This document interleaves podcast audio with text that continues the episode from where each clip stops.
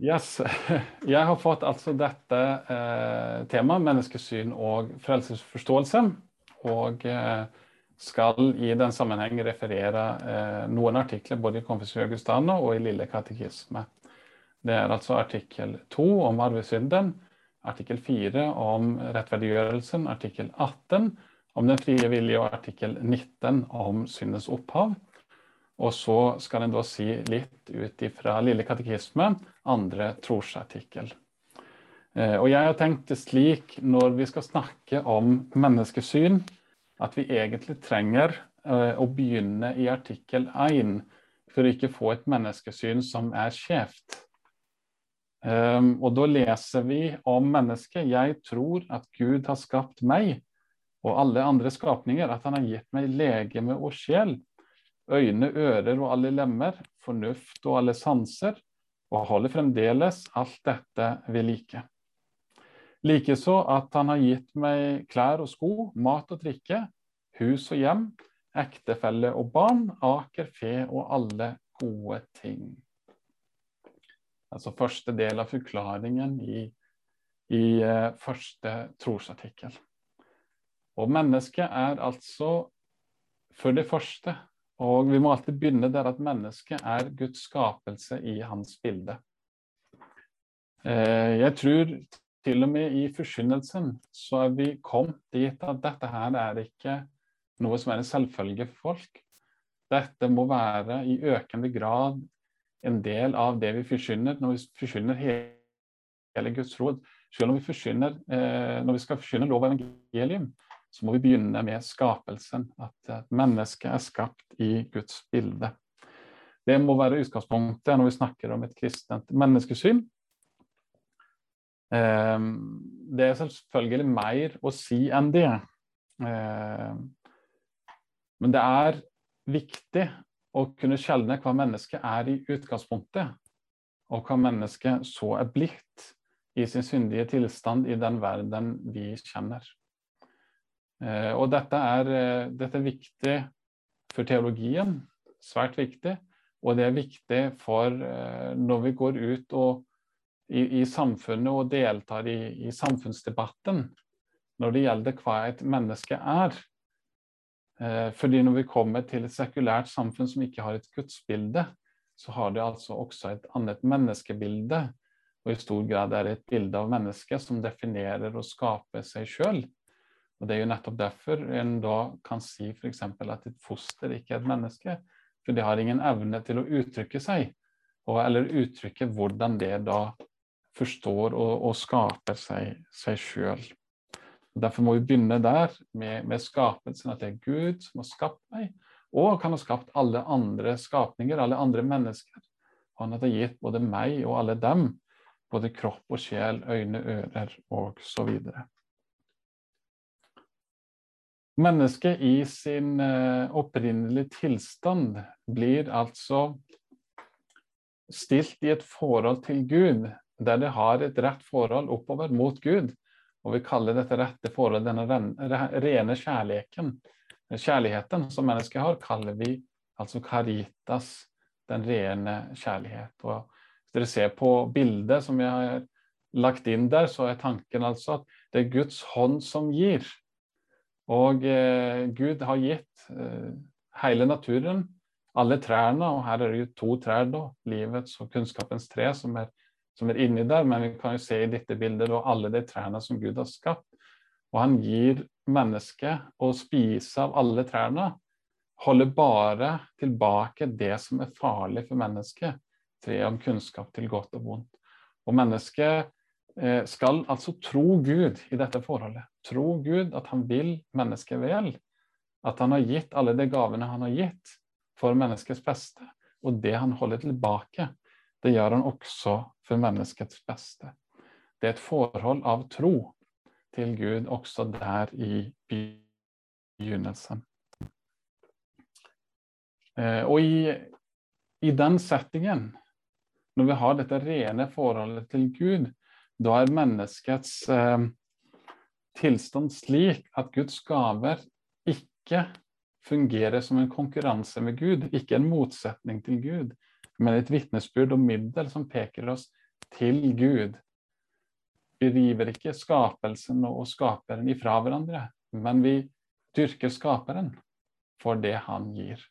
Det er den eh, rette og opprinnelig gode tilstanden til mennesket. Men så vet vi jo at det ikke er slik mennesket er, sånn som vi kjenner det. Noe er kommet inn i verden. Det er synden. Vi lærer om syndens opphav følgende. Om syndens opphav lærer våre menigheter at selv om Gud skaper og holder oppe naturen, så har likevel synden sitt opphav i det ondes, dvs. Si djevelens og de ugudeliges vilje, som når Gud ikke hjelper, vender seg bort fra Gud. Således som Kristus 8,44, når han taler løgn, taler han av sitt eget. Vi vet altså at mennesket er blitt syndig. Det kan vi observere. Men hvor kommer altså synden ifra? Og her er det en eh, interessant innrømmelse i denne artikkelen. Selv om Gud skaper og holder oppe naturen, innrømmes det i denne artikkelen. Med Gud som skaper av alle ting, så kan en da fristes til å trekke den konklusjonen at Gud er opphavet til det onde. Fordi at han har skapt alle ting, også slangen, eh, som vi leser om i, i eh, Genesis kapittel 3, vi kommer til det, så, er, så kan en trekke altså denne konklusjonen at da må Gud også være opphavet til det onde. Og det er jo akkurat det Adam gjør etter syndefallet, når han eh, skylder på kvinnen og sier til Gud, 'Kvinnen som du gav meg'. Skylda er ikke bare på Eva, men på Gud selv, som har gitt Eva til Adam. Og denne artikkelen avviser dette på det sterkeste. Det er ikke slik at det er Gud som er opphavet til det onde. Det er altså de onde, det er djevelen og det ugudelige, som og så, så ser vi da de har streka under der, som vender seg bort fra Gud. Og når djevelen vender seg bort fra Gud, så blir han da den som er forbildet til alle hans følgere, som også vender seg bort fra Gud. Vi snakker om den rene kjærlighet som er vendt mot Gud, caritas, og nå snakker vi altså om den falne kjærlighet som vender seg bort fra Gud og mot det skapte. Concupi, concupiscence, sier man da på engelsk. Vi leser fra skriften her. Slangen var listigere enn alle dyr på marken som Herren hadde gjort. Altså understreker vi det at Gud er skaperen til alle ting, også til slangen. Men slangen er altså fallen. Og så snakker kvinnen og slangen sammen. Og da sa slangen til kvinnen, dere kommer slett ikke til å dø, men Gud vet at den dagen dere eter av det, vil øynene deres åpnes. Dere vil bli slik som Gud og kjenne godt og vondt. Gud har sagt hva treet gjør. Treet om kunnskap til godt og vondt. Treet, det fører med seg død. Treet er ikke godt for Adam og Eva. Det skader dem. De dør av det. Han har sagt det, og de har trodd det fram til nå. Men nå får de høre et annet ord. En annen sannhet, et alter, en alternativt fakta, for å bruke et moderne uttrykk. Begge faktaene kan ikke stemme, for det er motstridende. De må velge side. De må velge hvem de skal tro på. Og dette er et spørsmål om nettopp det. Det blir et spørsmål om tro. Hvem skal de tro? Skal de tro Gud? At han vil dem vel? At han har gitt dem alle trærne i hagen for å spise av? Men holdt igjen det ene treet fordi at det er vondt for dem? Eller skal de tro slangen som sier dere skal slett ikke dø? Men Gud vet at når dere eter av det, vil øynene deres åpnes. Skal det være vendt mot Gud og ha den rene kjærlighet, caritas, Eller skal du vende seg bort fra Gud, og til slangen skal de velge den urene kjærligheten, concupiscentia. Vi kan saktens merke oss at allerede i disse ordene skjer syndefallet. Allerede i det som følger, er syndefallet skjedd. Det Vi leser i vers 6 kvinnen så nå at treet var godt å ete av, og at det var en lyst for øynene, et prektig tre, siden det kunne gi forstand. Så hun tok av frukten og åt. Hun gav også sin mann som var med henne, og han åt. Syndefallet kommer inn i verden ved slangens ord, akkurat slik som evangeliet kommer til oss som Guds ord. Her er det altså motstykket til det. Det er slangens ord som feller verden og fører den inn i Guds dom og Guds forvandlelse. Det er et spørsmål om tru. Hvem en trur. Treet fungerer da slik at det, det setter et skille. Det, det dømmer de som er falt. For de som hadde falt ifra Gud og gjør opprør mot Han, kunne ikke gjøre noe annet enn å være ulydig mot Guds bud. Og slik blir treet da stående som dommen over Adam og Eva, over hele menneskeslekten.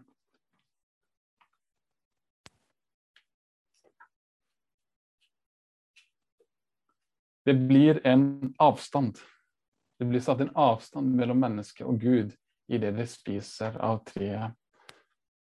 Og katekismen oppsummerer dette her, eller forklarer tilstanden som, til mennesket og beskriver det som det fortapte og det fordømte mennesket.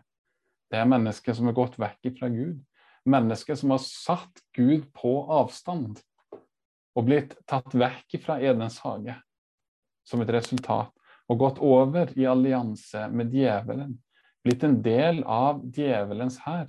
Blitt, blitt rett og slett en del av djevelens barn, hvis man setter det på spissen. Vi leser det der i, fra Efeserbrevet. Vi vandret, og også vi vandret alle blant dem i vårt kjøds lyster. Og vi gjorde um, kjødets og tankenes vilje. Vi var av naturen vredes barn, like som de andre. Adam og Eva, og menneskets natur blir endret.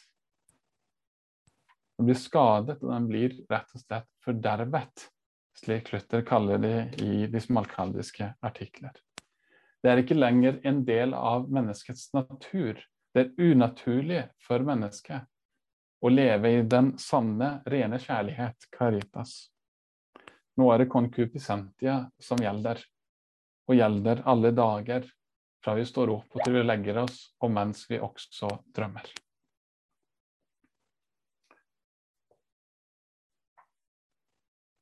Det er blitt to lag. Det er blitt fiendskap med Gud. Det er blitt vennskap med djevelen. Vi er blitt en del av hans lag.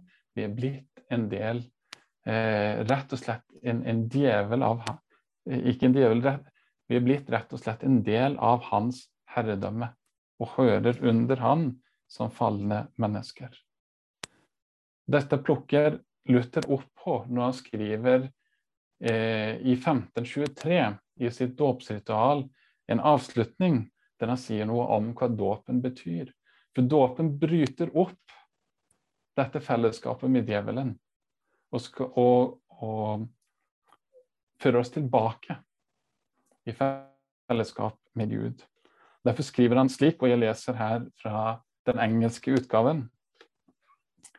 In all Christian earnestness, I would ask that those who administer baptism who hold the children or witness it, to take this wonderful work to heart in all its seriousness. For here in the words of these prayers, you hear how meekly and earnestly the Christian church concern, concerns itself about the little child and how it confesses before God in plain, and doubting words that he is possessed by the devil and is a child of sin and wrath, and prays very diligently for aid and grace through baptism that he may become a child of God. Vi ser her altså de to lagene som han trekker fram her. enten er den på Guds lag, eller så er den på djevelens lag. Possessed by the devil er rett og slett uttrykket han bruker her. Så fortsetter han. Remember therefore that it is no joke to take sides against the devil, and not only to drive him away from the little child, but to burden the child with such a mighty and lifelong enemy. Remember too that it is very necessary to aid the poor child with all your heart and strong faith earnestly to intercede for him, that God, in accordance with this prayer, would not only free him from the power of the devil, but also strengthen him, so that he may nobly resist the devil in life and death. And I suspect that people turn out so badly after baptism because our concern for them has been so cold and careless. We, at their baptism, interceded for them without zeal. Så lenge djevelen er vår allierte, og vi er på hans lag, så er vi altså sannelig fortapt. Det er virkelig det vi trenger å frelses fra, fra syndens og djevelens, og derfor også fra dødens makt. Vi leser videre nå fra andre artikkel i Confessio Gustana. Likeens lærer våre menigheter at alle mennesker som er forplantet på naturlig vis, etter Adams fall blir født med synd, dvs. Si uten frykt for Gud og uten tillit til Gud, og med begjær. Og at denne arvelige sykdom og brist virkelig er synd, som fordømmer også, og også nå fører med seg den evige død for dem som ikke blir gjenfødt ved dåpen og Den hellige ånd.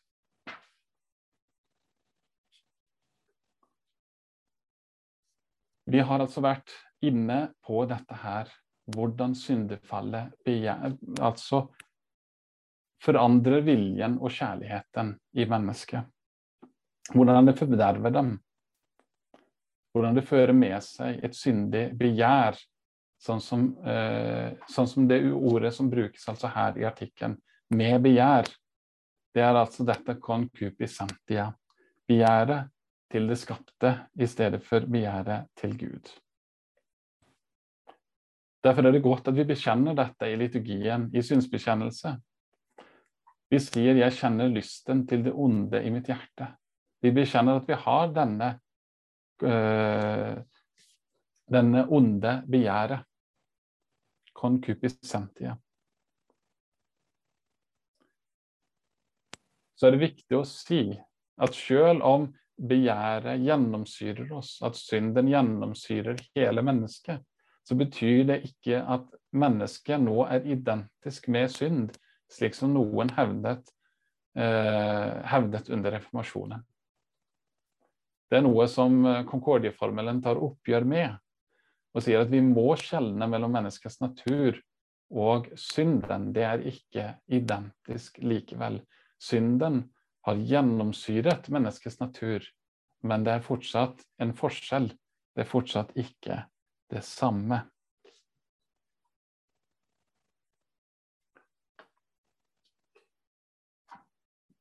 Vi skal fortsette med hvordan viljen til mennesket nå er endret og eh, fordervet. Vi leser om den frie vilje i Augustana artikkel 18.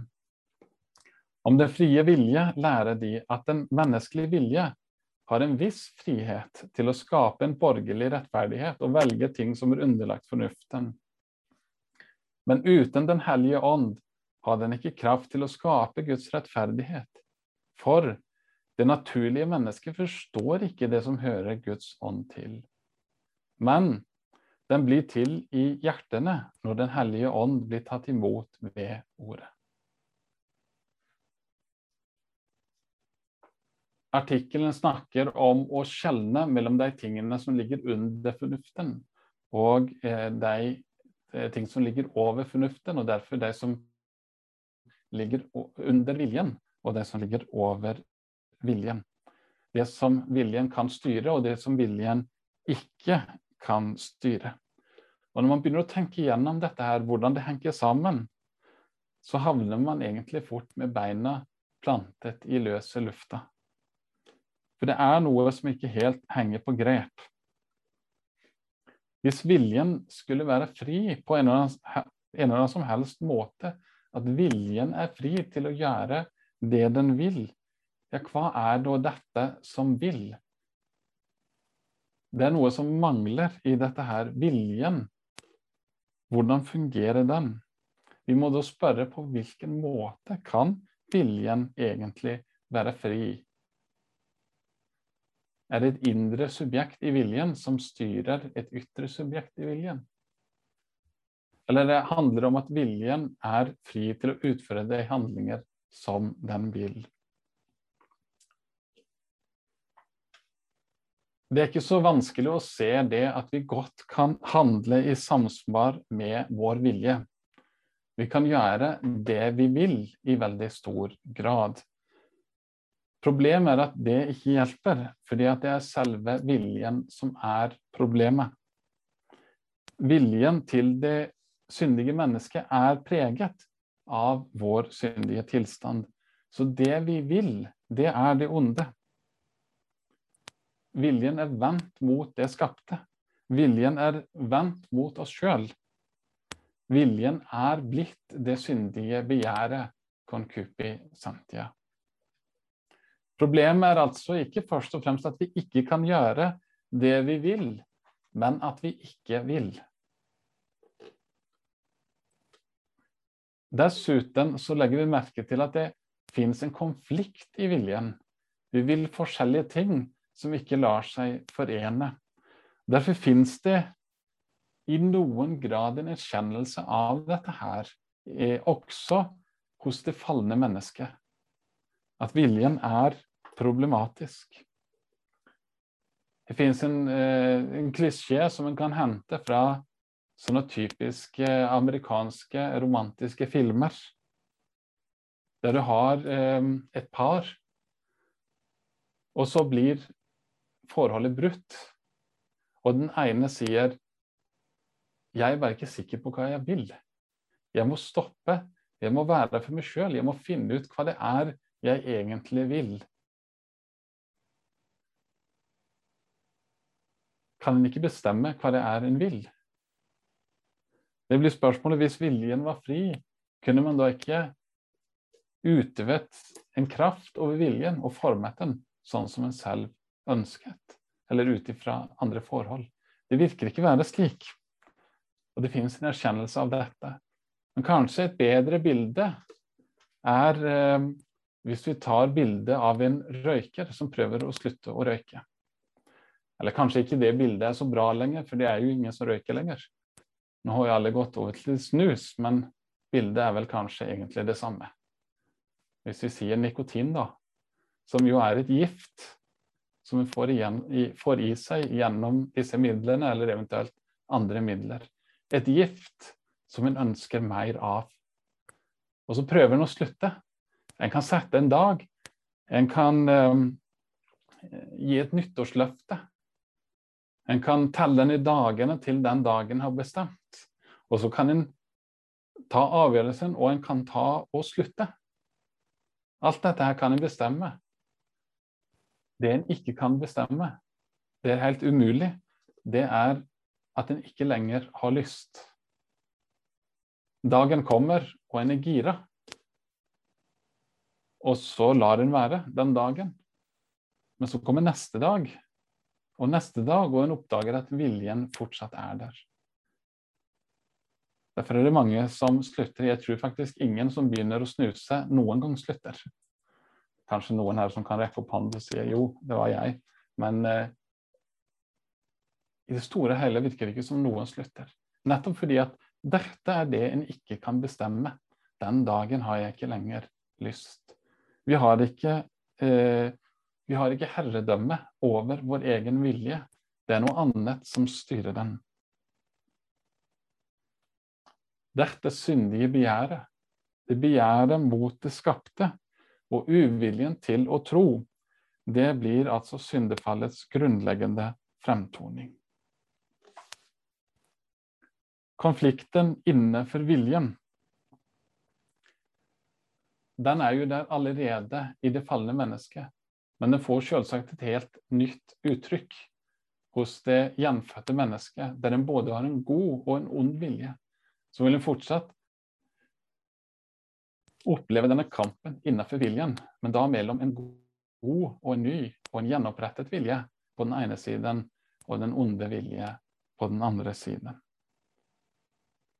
Her kunne en f.eks. ha trukket fram eksempler fra Romerbrevet kapittel 7, der Paulus snakker om nettopp um, synden som bor i seg, som skaper begjær, når den først får høre at du skal ikke begjære. Og slik snakker Paulus om at han gjør det, det han ikke vil, og så gjør han ikke det han vil. Her snakkes det altså om disse to viljene, den gjenfødte viljen og den gamle, syndige uh, kon, uh, Den syndige viljen. Jeg har vanskelig med å uttrykke, uttale dette eh, uttrykket. Vi fortsetter. Vi er da kommet til eh, artikkelen om rettferdiggjørelsen i CA4. Likeens lærer våre menigheter at menneskene ikke kan bli rettferdiggjort overfor Gud ved egne krefter, fortjenester eller gjerninger, men at de blir rettferdiggjort uten vederlag for Kristi skyld ved troen, når de tror at de blir tatt til nåde og at syndene blir forlatt for Kristi skyld, han som ved sin død har gjort fyldest for våre synder. Denne tro tilregner Gud som rettferdighet hos seg, rommene 3 og 4. Det henger altså sammen. Viljen er ødelagt. Det er derfor vi gjør eh, det er derfor det er slik at alt det vi gjør, er smittet av den onde vilje. Vi har ikke mulighet som falne mennesker til å produsere noen handlinger som springer ut fra den rene kjærlighet, fra Caritas. Handlinger som er rene, som er av rett kjærlighet, som er av rett motivasjon, som er rene og har en god hensikt. Det fins ikke i oss som falne mennesker, vil si. Kristus sier et ondt tre kan ikke bære god frukt. Og på samme måte kan heller ikke et, eh, et godt tre bære vond, vond frukt. Det er altså ikke problemet om å produsere en ny type frukt. Problemet er selve tretypen som er gal. Det falne mennesket kan ikke gjøre noe til sin egen frelse. Fordi det kan ikke noe godt kan springe ut av menneskets onde natur. Det må være helt og holdent Kristi gjerning. Og den tas kun, ved, tas kun imot i tro.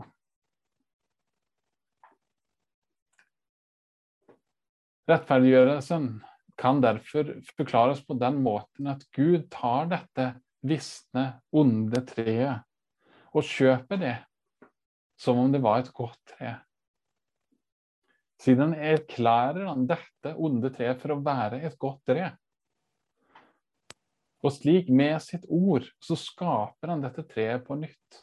Roten først, og så oppover gjennom hele treet, og til slutt løvene og frukten. Treet kunne ikke gjøre noen ting for seg. Treet var et ondt og vissent tre. Det kan bare ta imot denne behandlingen. Men det trenger denne gode Gud, denne barmhjertige Gud, som plukker det opp, og som skaper det på nytt, og som erklærer det rettferdig.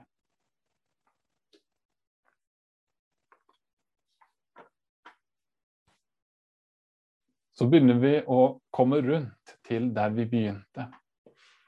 Men vi leser altså eh, andre torsartikkel fra, fra eh, lille katekisme. Jeg tror at Jesus Kristus, som er sann Gud, født av Faderen fra evighet og til like sant menneske, født av Jomfru Maria, er min Herre, som har gjenløst meg, fortapte og fordømte menneske, kjøp meg og fridd meg fra alle synder, fra dødens og djevelens makt, ikke med gull eller sølv, men med sitt hellige, dyre blod og sin skyldfrie lidelse og død.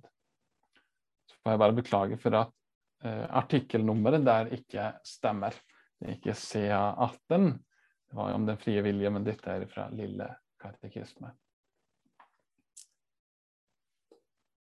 Vi var innom det i syndefallet, at mennesket ble stilt overfor to muligheter å velge mellom å høre og tro Gud, eller å høre og tro slangen. Og mennesket valgte å lytte til slangen.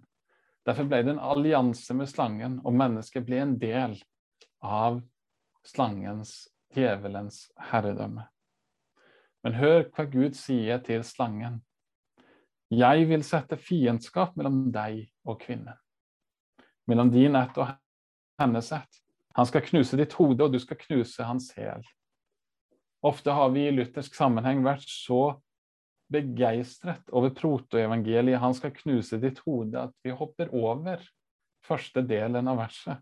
Jeg vil sette fiendskap mellom deg og kvinnen, mellom din ett og hennes ett.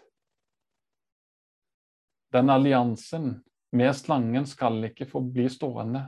Den blir ikke varende. Gud selv griper inn og snur den alliansen, snur mennesket tilbake til seg, bryter alliansen med djevelen og går inn sjøl i allianse med mennesket. Det er hans gjerning å bryte, bryte, alliansen. Det er hans gjerning å snu mennesket tilbake.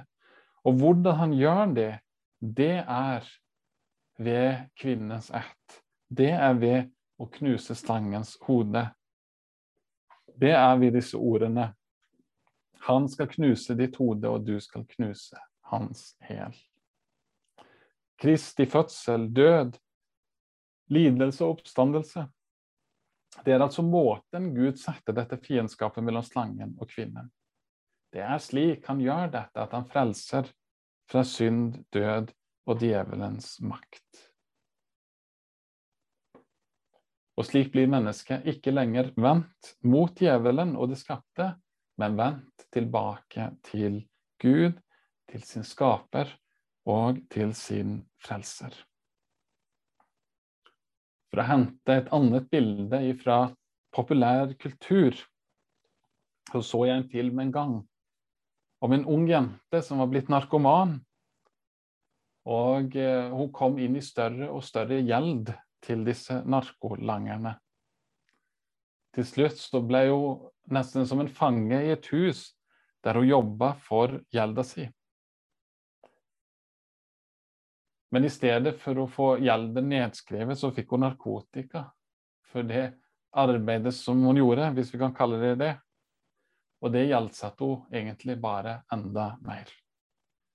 Selve stoffet gjorde jo at hun ikke heller kunne klare å flykte ut av huset. Men så skjer det i denne filmen at hennes far kommer inn i huset. Han har funnet ut hvor hun er. Han går inn på rommet der hun ligger, plukker hun opp og bærer henne ut midt foran ansiktet til alle det som er der inne. Et godt bilde av Gud som vår far og frelser, som kommer inn i den falne verden, som rett og slett går inn i døden og henter oss ut derifra ut ifra det brennende huset, ut ifra dødens hus, midt foran ansiktet til djevelen og hans demoner. Dette er Kristi gjerning, som bare tas imot i tro.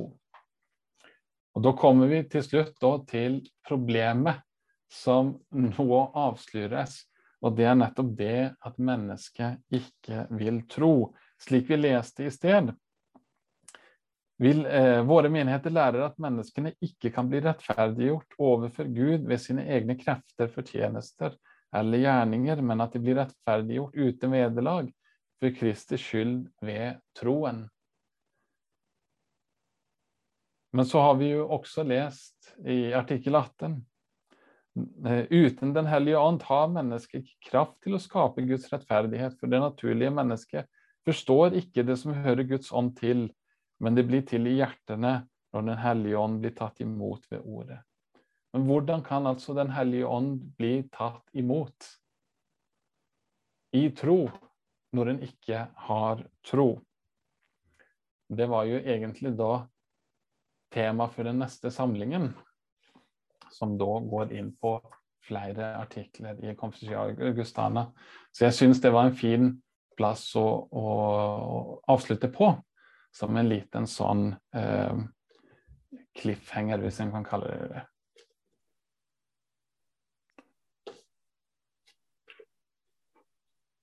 Ja, da er du til veis ende, Zakarias. Mm -hmm. Ja, flott. Takk skal du ha for en um, pedagogisk uh, innledning. Uh, du har berørt mange spørsmål. Jeg vet ikke, skal vi ta en liten pause nå først, før Gudbjørg får ordet? Gudbjørg, vil det passe deg også, eller vil du gå rett på? Nei, vi tar gjerne en pause. Ja, ja, da tar vi en pause. Da tror jeg vi har vi... Zakarias, du er klar? Ja, fint. Da gir vi ordet til deg. Der kom det. Fint. Da gir vi ordet til deg, Gudbjørg, i Tyskland. Ja, takk. Jo, eh, takk for foredraget, Zakarias. Og de viktige punktene som du dro fram om den lutherske læren om mennesket om, og den lutherske læren om synden. Og da også hvordan mennesket blir eh, for det første betatt av synden, og den frelst fra synden. Eh, jeg vil bare si at eh, at jeg syns det var veldig viktig, det, det, første punktet ditt om at mennesket ikke, at mennesket ikke er identisk med synden, eh, som eh, ble et veldig viktig punkt i Concordia-formelen. Eh, for som du sa, var det noen allerede på reformasjonstiden som kom til den konklusjonen at menneskenaturen er synd, på en måte.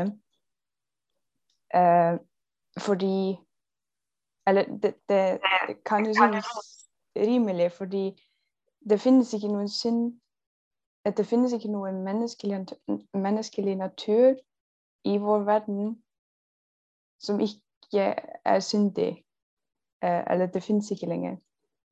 Og vi, vi klarer ikke å skille mellom mennesket og synden i mennesket fordi menneskenaturen er blitt helt fordrevet. Eh, eller det er jo det som de lutherske sier, i hvert fall. Eh, og fordi vi ikke kan skille mellom det, er det veldig viktig at vi fastholder på at vi må skjelne mellom begrepene. Eh, vi kan ikke praktisk talt skille mellom mennesket og synden, men vi må skjelne mellom eh, menneskenaturen og synden. Eh, det er jo veldig viktig fordi, både fordi Kristus er jo blitt menneske uten synd, og også fordi eh, Gud skal jo forløse vår natur. Han skal ikke skape helt nye mennesker, men han skal gjenskape oss og forløse den naturen som, som han har skapt oss med. Derfor syns jeg det var veldig viktig at du at du tok det fram og nevnte det. Uh, og et annet veldig viktig og interessant punkt som du dro fram, var uh, at fristelsen i Edens hage var egentlig en fristelse til å ikke tro Gud. Det snakkes jo veldig ofte om at det er en fristelse uh, til å bli som Gud. men det snakkes ikke så ofte om om at det egentlig var, var handlet om tro. At, at, troen på slangens ord var fallet, og troen på Guds ord er gjenoppreisningen, på en måte. Eh, som du også var kort inne på, at, at Den hellige ånd kommer når en hører og tror Guds ord. Og det leder meg til et spørsmål Eh, det er kanskje litt komplisert. Men lutheranerne sier uh, her i, i, i, CA, i motsetning til katolikkene, at arvesynden faktisk er synd som fortjener evig død. Uh, og det som frir oss ifra den evige død, er å være i Kristus, eller på hans lag, som du sa. Uh, det jeg lurer på om du kan si noe om, er Altså, hva kan djevelen gjøre når vi ikke lenger er på hans lag? Fordi du eh, tok det sitatet fra Luther om dåpen og eh, djevelen som fiende, eh, som jo impliserer, impliserer eh, faren for å falle fra hva, hva, er det som skjer når vi står i fare for å falle fra Kristus? Eh, og hvilken rolle spiller viljen i forhold til det å forbli i Kristus? Fordi det er på en måte Den hellige ånd som fører oss inn i dette fellesskapet. Og hva er det på en måte Hvordan hold, holdes vi der? Eh, hva Ja, fordi Luther snakker jo om begge deler. Eh, både det at vi må gjøre noe, og samtidig at det er bare Gud som eh, som holder dette døpte mennesket i Kristus. Jeg vet ikke om du forstår spørsmålet, men, men det handler litt om hva kan djevelen egentlig gjøre nå, nå som vi er i Kristus? Um, og så var det det siste som jeg ville be deg om å si noe om, er eh, samtidig synder og rettferdig. Om du kan på en måte ta det inn i, inn i dette bildet eh, som du har snakket om nå. At det, det i, i, alt dette som du har snakket om, står det ikke noe sted at arvesynden blir tatt vekk. Men det står at arvesynden eh, fortjener evig død.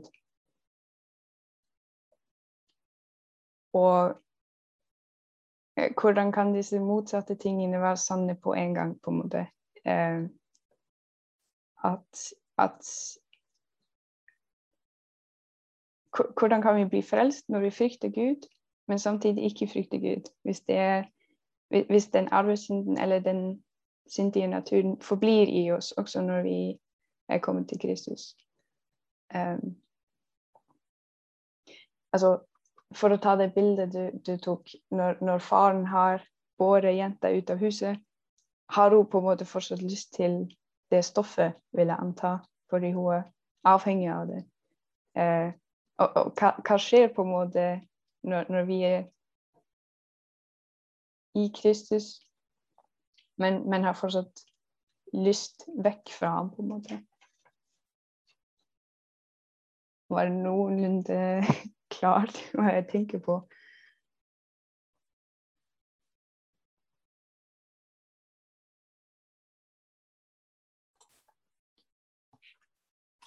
Ja. ja jeg takker for uh, responsen. Um,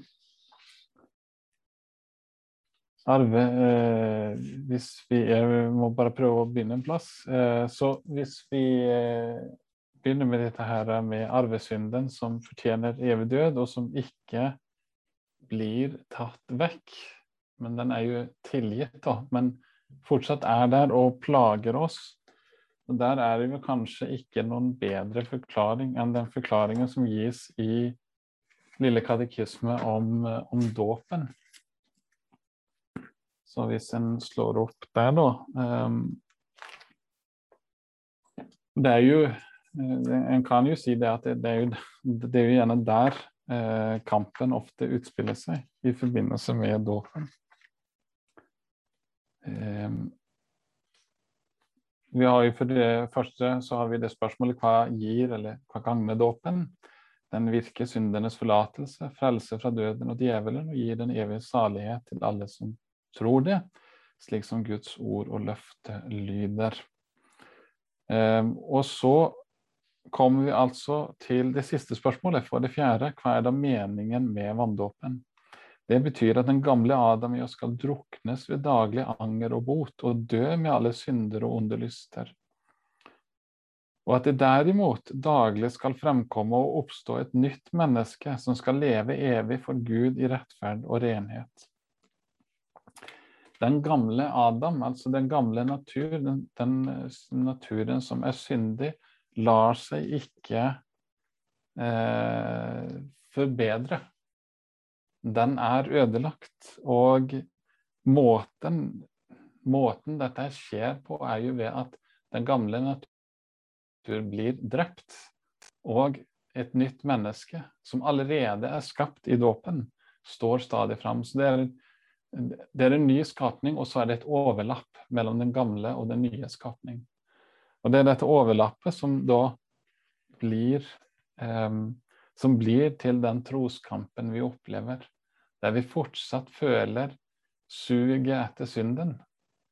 Eller uh, suget etter stoffet, for å bruke bildet der til slutt. Så mens allerede er ført ut, og, og noe nytt er begynt å vokse fram. Og Det er derfor dette her skal da eh, dyrkes eller, eller, næres i den daglige omvendelse.